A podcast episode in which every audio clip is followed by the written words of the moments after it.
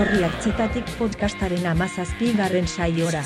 Ertzetako soinuak erdigunera dakartzan espazioa da ertzetatik, Mikel Izarrak aurkeztu eta zuzendua ITB podcast eta gaztea irratian amazazpi garren saioa. Postpunka. Porom, larrek bat, bilintz, gurseta marmolen partaidetzarekin.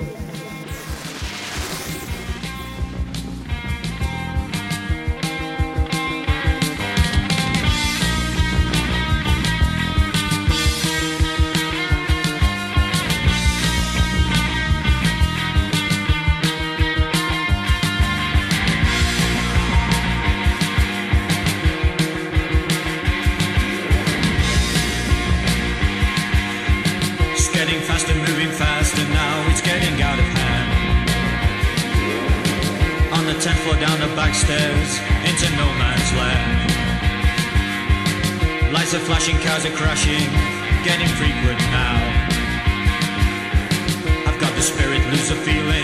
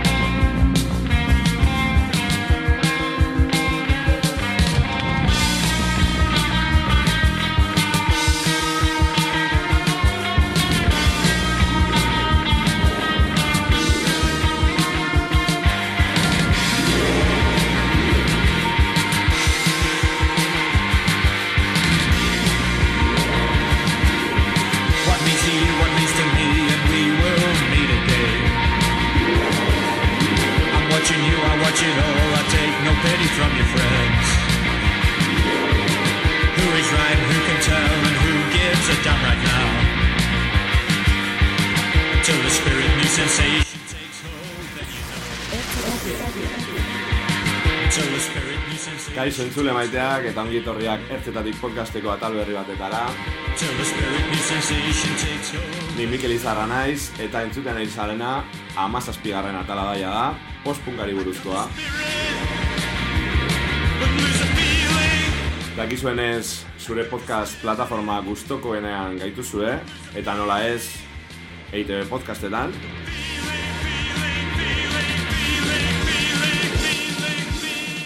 Joi Division handiak entzuten eh, hasi behar genuen eh, saioa.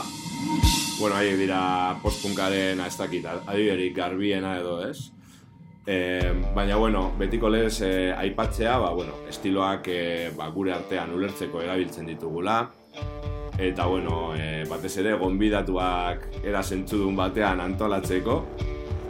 Eta aipatzea ere bai, ba, bueno, postpunkak eragin pilo izan dituela historian zehar, eta punketik abiatu zela, gero ikusiko dugun moduan, baina, bueno, e, ez dela zerbait oso zurruna eta postpunk mota asko e, dagoela.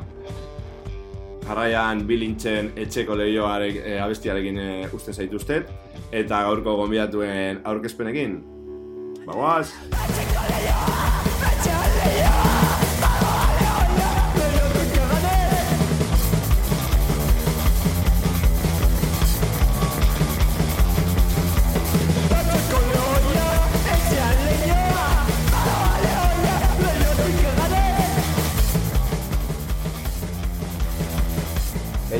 izena eta bilintxon abeslarianan. Bere garaian, La Sombra eta Jange taldeen abeslari izan nintzen be.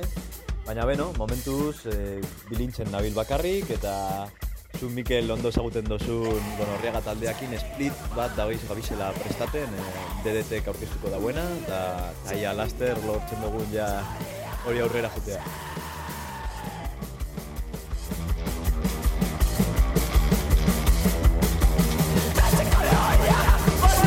Go!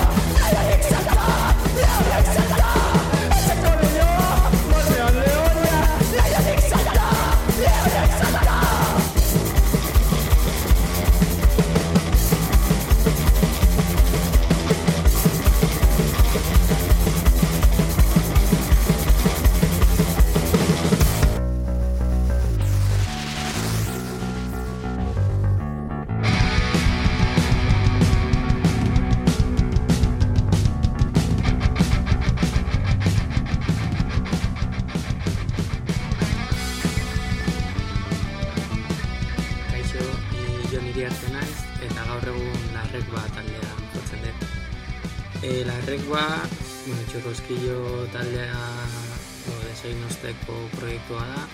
E, iru lagunek osatzen dugu, irurotik ibili ginen txorroskillo taldean, eta 2000 eta emeretzean hasi ginen. Orduzti, ba, hainbat kontzertu eta graga, grabaketaren bat egin dugu, eta gaur egun ba, horretan gabiltza. Orain arte kontzertu esiente eman ditugu, eta orain ba, abesti berriak findu eta e, gauza gehiago grabatzeko asmoa daukau. Niretzako larrekoak postpunkarekin izan dezaken zer ikusia bada ba, erabiltzen dugun soinua batez ere. E, desente gustatzen zaizkigu ba, alako atmosferak, txorusak, rederrak, ba, eta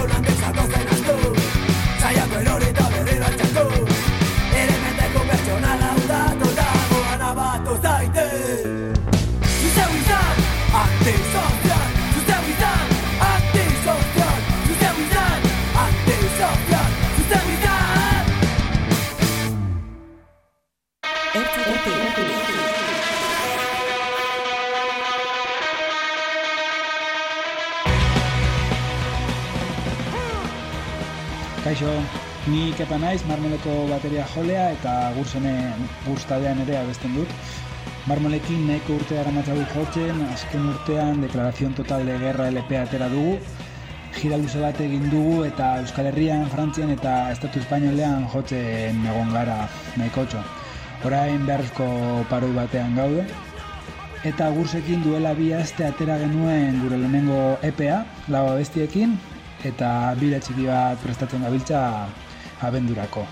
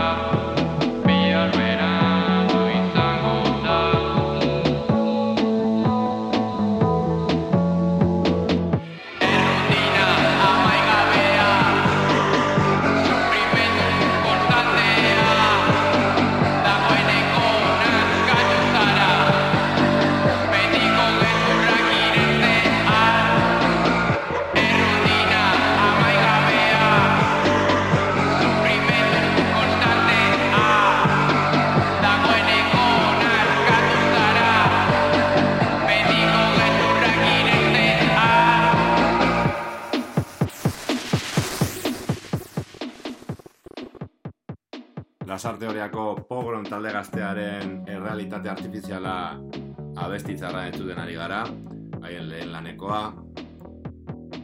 panoptikotik, edo panoptikoan, parkatu.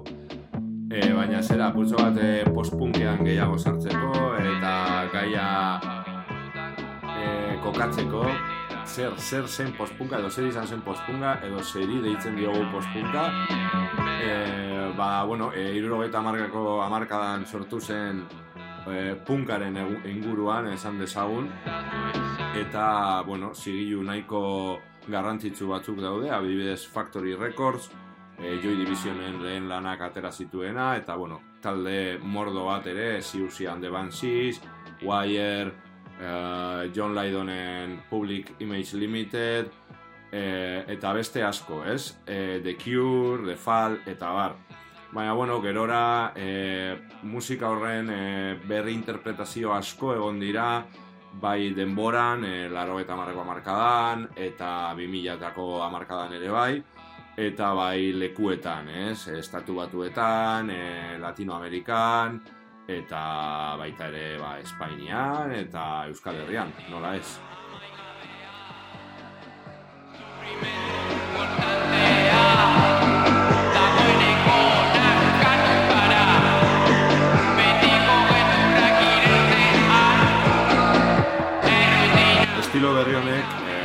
Punkaren eh, inguruan edo punketik irtetzen ziren ba, green berriak bildu zituen eta batez ere eh, atea ireki zion ba, bueno, gauza berriak frogatzeari eta gai berriak eh, tratatzeari ere bai, ez? Baina, bueno, e, utzitzagun gure gonbidatuak hitz egiten eta ia haiek zer dioten eurentzako postpunka zer den.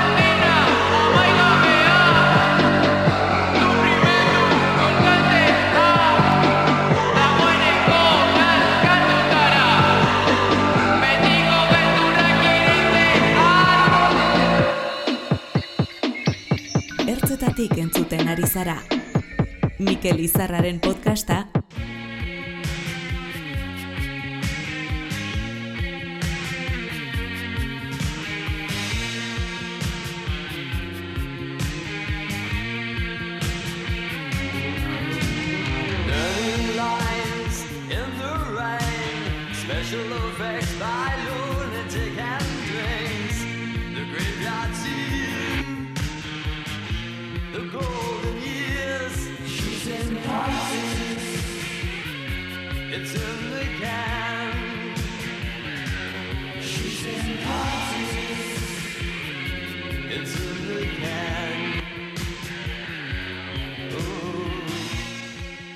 Punka gaur egun estetika baten bihurtu da edo ez dakit zio zer eh, jendea hori ba beltzez jantze- janzten da, musika triste egiten da eta postpunk dala bino.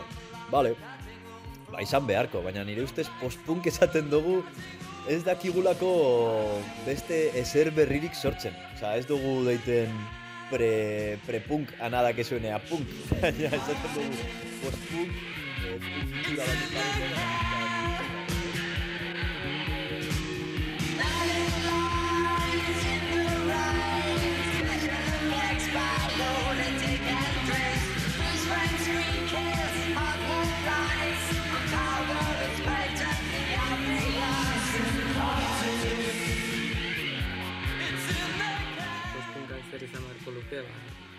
Post-punkak e, lagunak ezagutzeko eta eta saretzeko beste aitzakia bat. Ez dakit, gu beti nik uste ulertu izan degula lagunak egin, espaziotara jun, eta aldela beti autogestioan oinarritzen dire mugimenduak ba, indartu, abestu eta eta horiek elikatu. Under a rain of drums, cigarette pops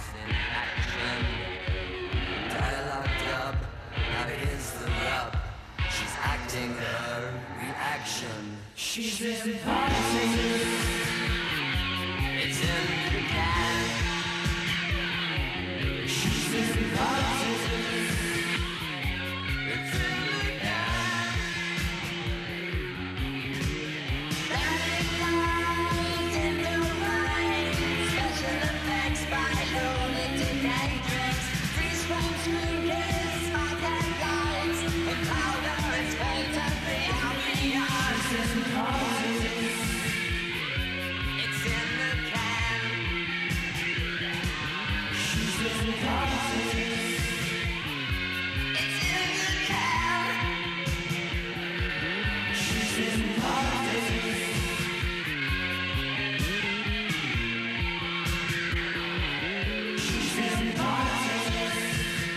Ertzetatik. Ertzetako soinuak erdigunera dakarren espazioa.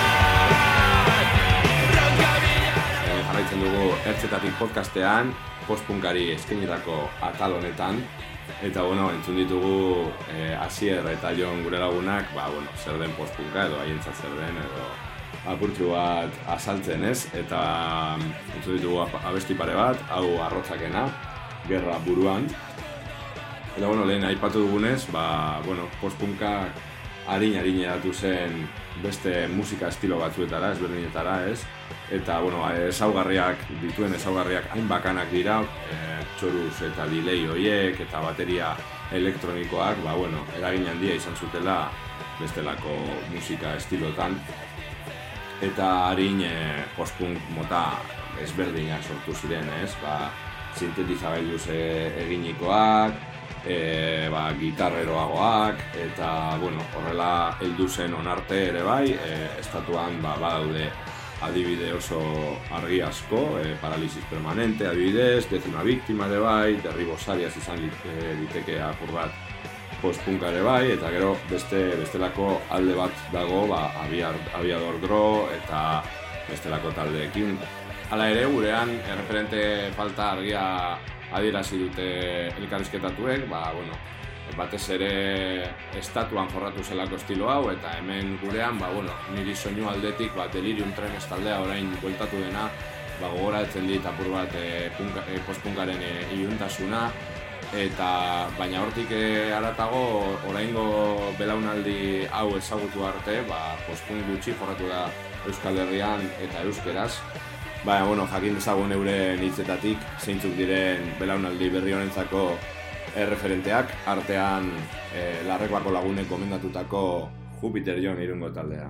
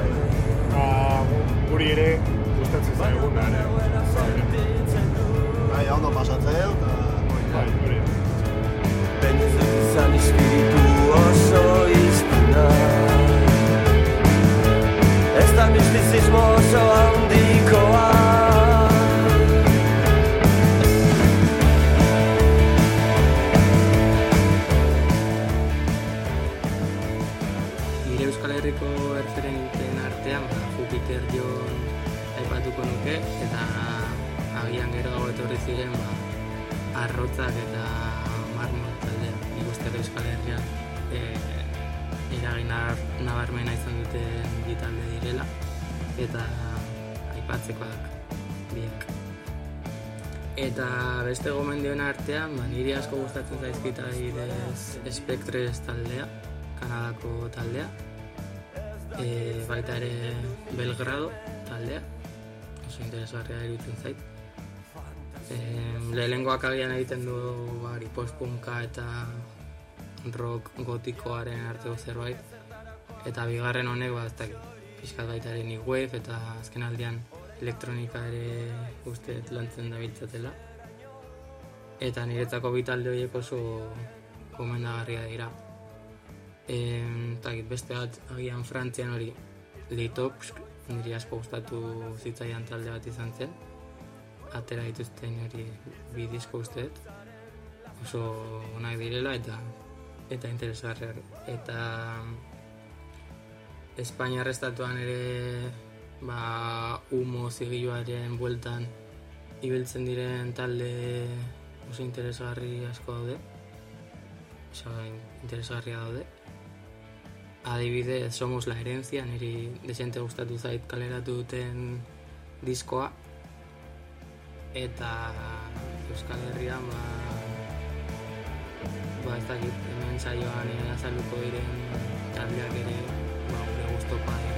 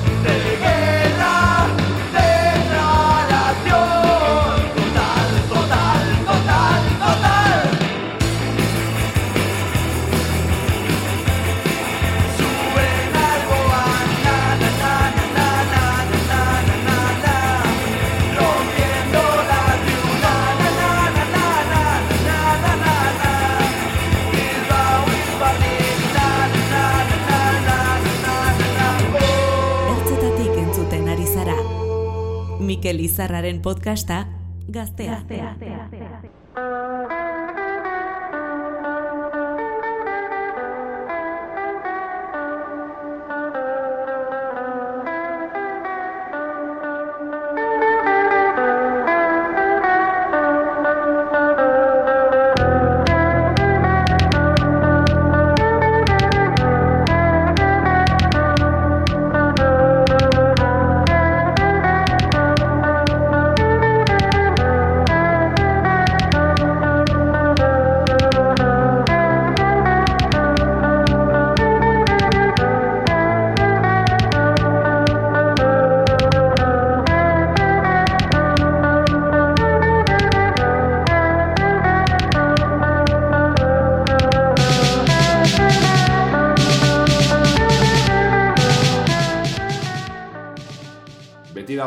arriskua eta postpunkean ere gertatu zen, ba, klitxe edo olako ezaugarri errepiki, errepikakor batzuk e, nabarmentzen direla beste batzuetatik, ez?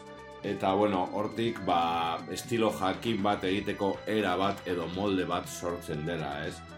Baina, bueno, betiko lez, e, hemendik ertzetatik zaiotik, nabarmendu nahi dugula, duguna da, e, estiloan dagoen anistasuna.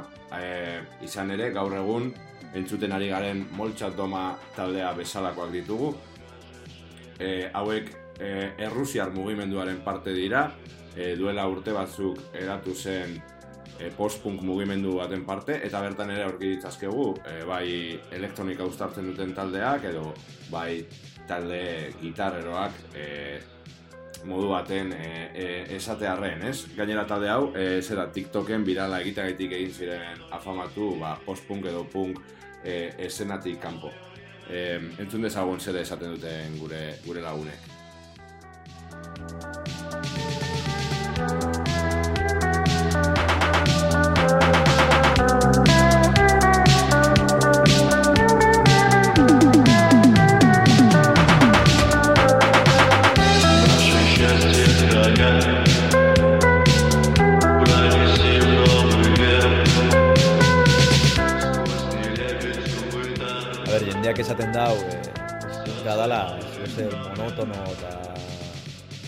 Aspergarria normala, ze jende gehienak dabil Joy Divisionen musika kopiaten. Osea, punkian, punk musikan gertatu zan berdina. E, jendeak joten badau bakarrik los Sex Pistols, badana izango da berdin berdina. Baina dauz, mota asko edo punka gainditzeko modu asko egon ziren. Adibidez, nik esan dut lehen, eh, Madness eta Two-Tone estena hori pues, punka izan, bai. Izan, eh, punkian punk musika hori gainditzea moduren baten eta batzuk erabaki zuten ba, jamaikar musikagaz eh, nahastea, beste batzuk erabaki zuten eh, ilunagoa izan behar zala, beste batzuk musika gotikoa sortu zuten, beste batzuk eh, tristura hortan jarraitu zuten, baina energiakin eh, badau, eskimo musika badau, movida pilo bat eta dana izan daiteke post-punk. Ze berez dana, dana dator hortik. Así que esan dezakegu punkiek, ez, gaudela orain estiloa gogoraldatzen.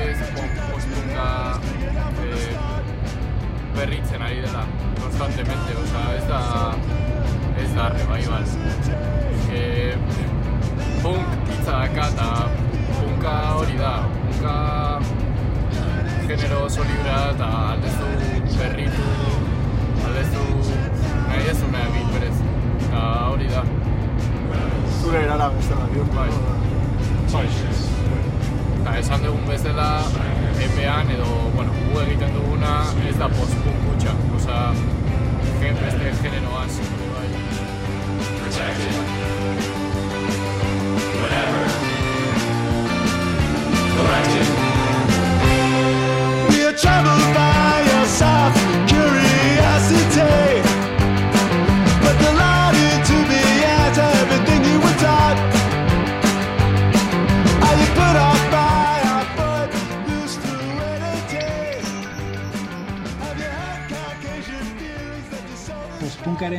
hauteskunde bat bizitzen ari gara, baina ez da bat ere berezia, nire ustez. Gauza hauek zikliko dira, ez? Gaur egun postpunka tiroi handia dauka eta beste estilo batzuekin nahazten da. Horrela subestilo berriak osatzen dira, baina norbak igual bihar transmetala modan jarriko da, espero dugu ez ez. Dena, dena den gu gure movida egiten jarraituko dugu eta postpunka postpunketik eh, ateratzen bagara, ba, ere, uste dut, rollo edo estilo nahiko berdina egingo dugula.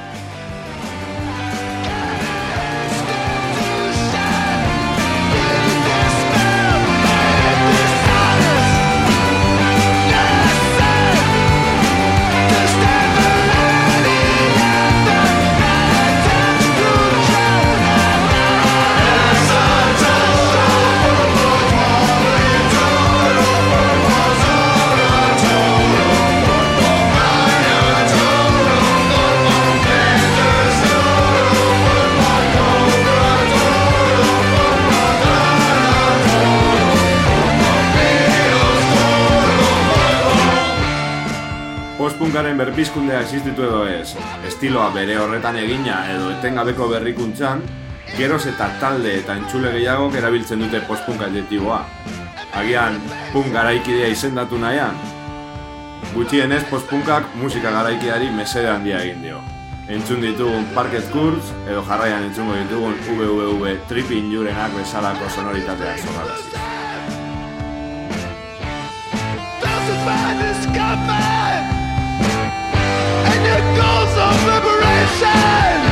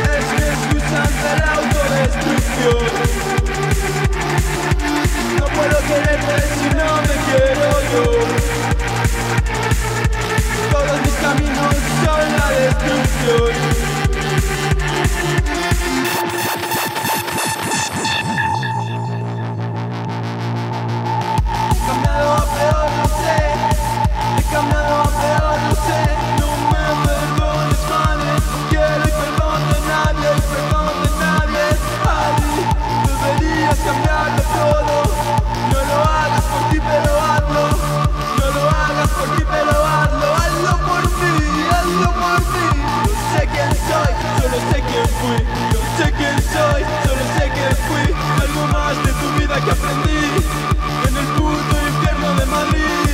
No nos queda gasolina que prender, no nos queda otra vida que gastar. Quizás sea el momento de asumir que nada va a cambiar, que nada va a cambiar.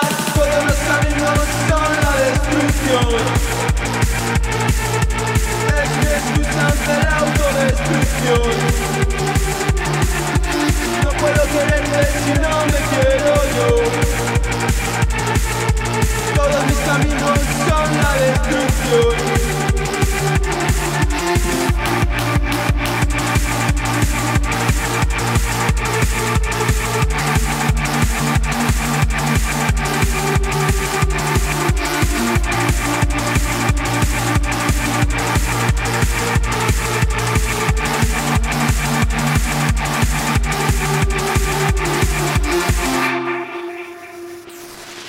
Entzuten ari zara. Mikel Izarraren podcasta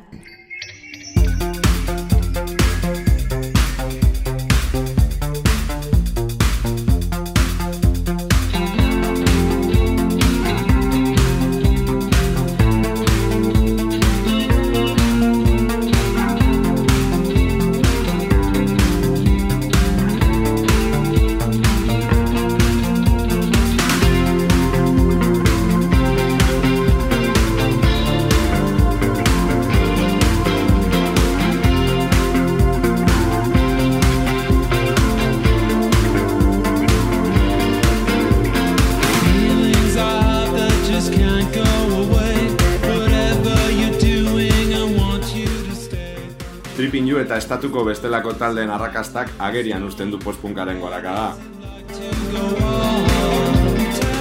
Lehen aipatutako moltza domaren viralizazioa, Madrilgo depresion sonora artistari ere gertatu zitzaion.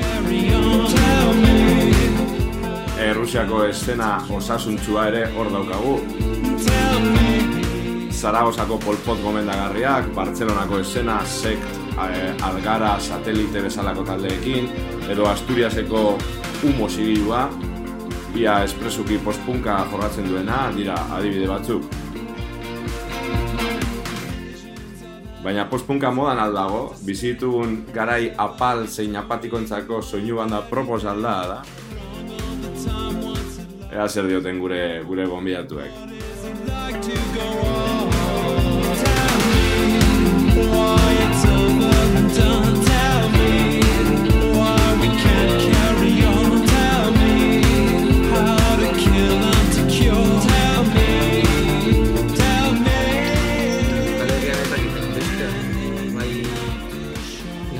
nazioartean edo inguruko estatuetan modan dagoela postpunka edo etengabe erabiltzen ari dela postpunkaren etiketa, ez? Ze azkenean deitzen diogu postpunka Joy Divisioni, The Cure taldeari, ez dakit, e, eta baita ere deitzen diogu ba, gaur egun Idols, Viagra Boys, edo, ez dakit, saia, oso errez erabiltzen dugun etiketa da, eta azkenean nik uste etiketa guztia bezala. Eta bai egon dela berpizkunde bat, ez dakit duela urte batzuetatik ona Frantzian ez, talde pila batek egin dute ez agian postpunka bere zurruntasunean, baina bai e, postpunk soinua erabiltzen duen punk rocka, ez dakit, Litovsk eta horrelako taldeak. Espainian ere badira hola talde desente baita ere gauza elektronikoak eta egiten dituztenak. Eta Euskal Herrian ba, badaude talde batzu, baina ez nuke esango hola inor postpunk oso klasikoa egiten duen. Beti ere ba, punkaren, punkaren aldaera moduan ba, egiten diren gauza badira eta beti punkaren ertzetan edo punkaren klasikotasun eta zurruntasun hori ba, buskatu nahian. Eta bai, niretzako badago modan, edo bentsat etiketa etengabe erabiltzen da. Hoy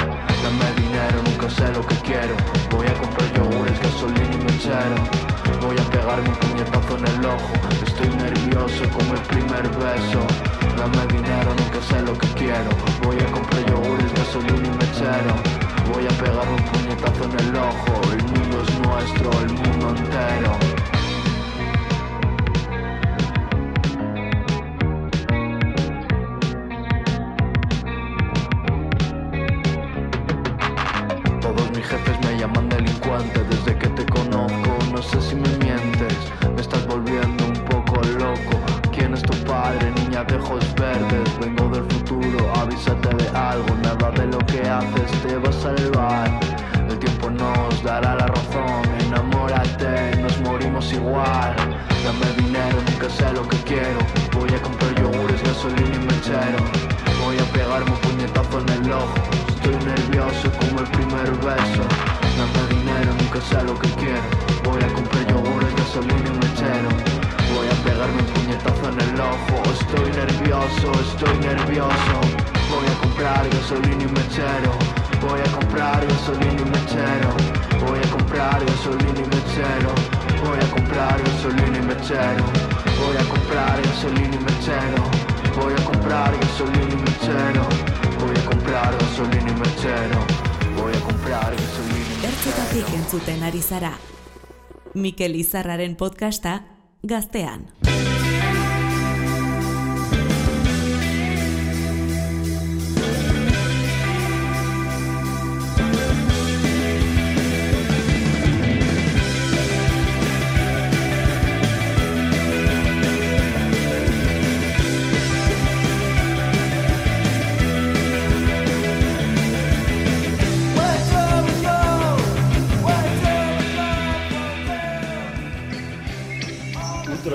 Errusian dau postpunka, claro, es han oso inguru hotza danik eta olako musikarako inguru oso ona. Ba, Utro oso talde ona, badau motorama, badau euskangoko estena oso ona bai.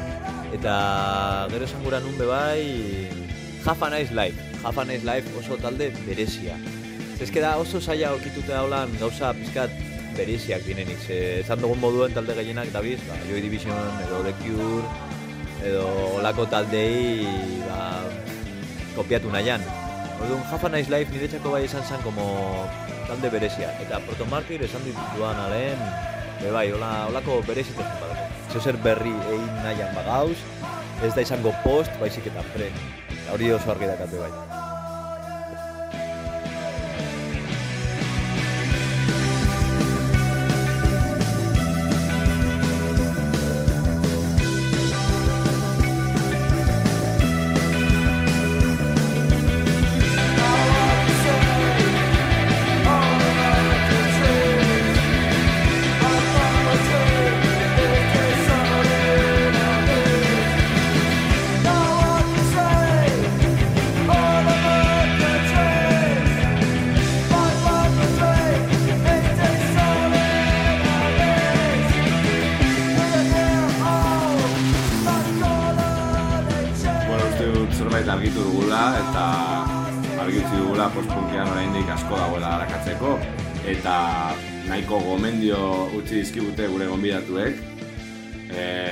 Aldi berean e, osasuntzu mantentzen den esena bat da eta musika ugaritan e, eragin duela e, argitu dugu adibidez gurean berezko postpunk talderik e, ez zegoen arren bere garaian, ez? Ba, bueno, belaun- belaunaldi ber- berri honek ba, ba, eredu hartu du edo eragina hartu du eta prest dago esenatokiak hartzeko eta bueno, betiko lez, ba, talde eta besti asko utzi ditu jartzeke eta gonbidatzeke, ba, Belako, Bull, Karima, Top, e, bueno, postpunk kutsu nabaria dute ere bai, ez? Baina, bueno, hau bet- betiko lez, ba, lagin, lagin txiki bat e, besterik ez da.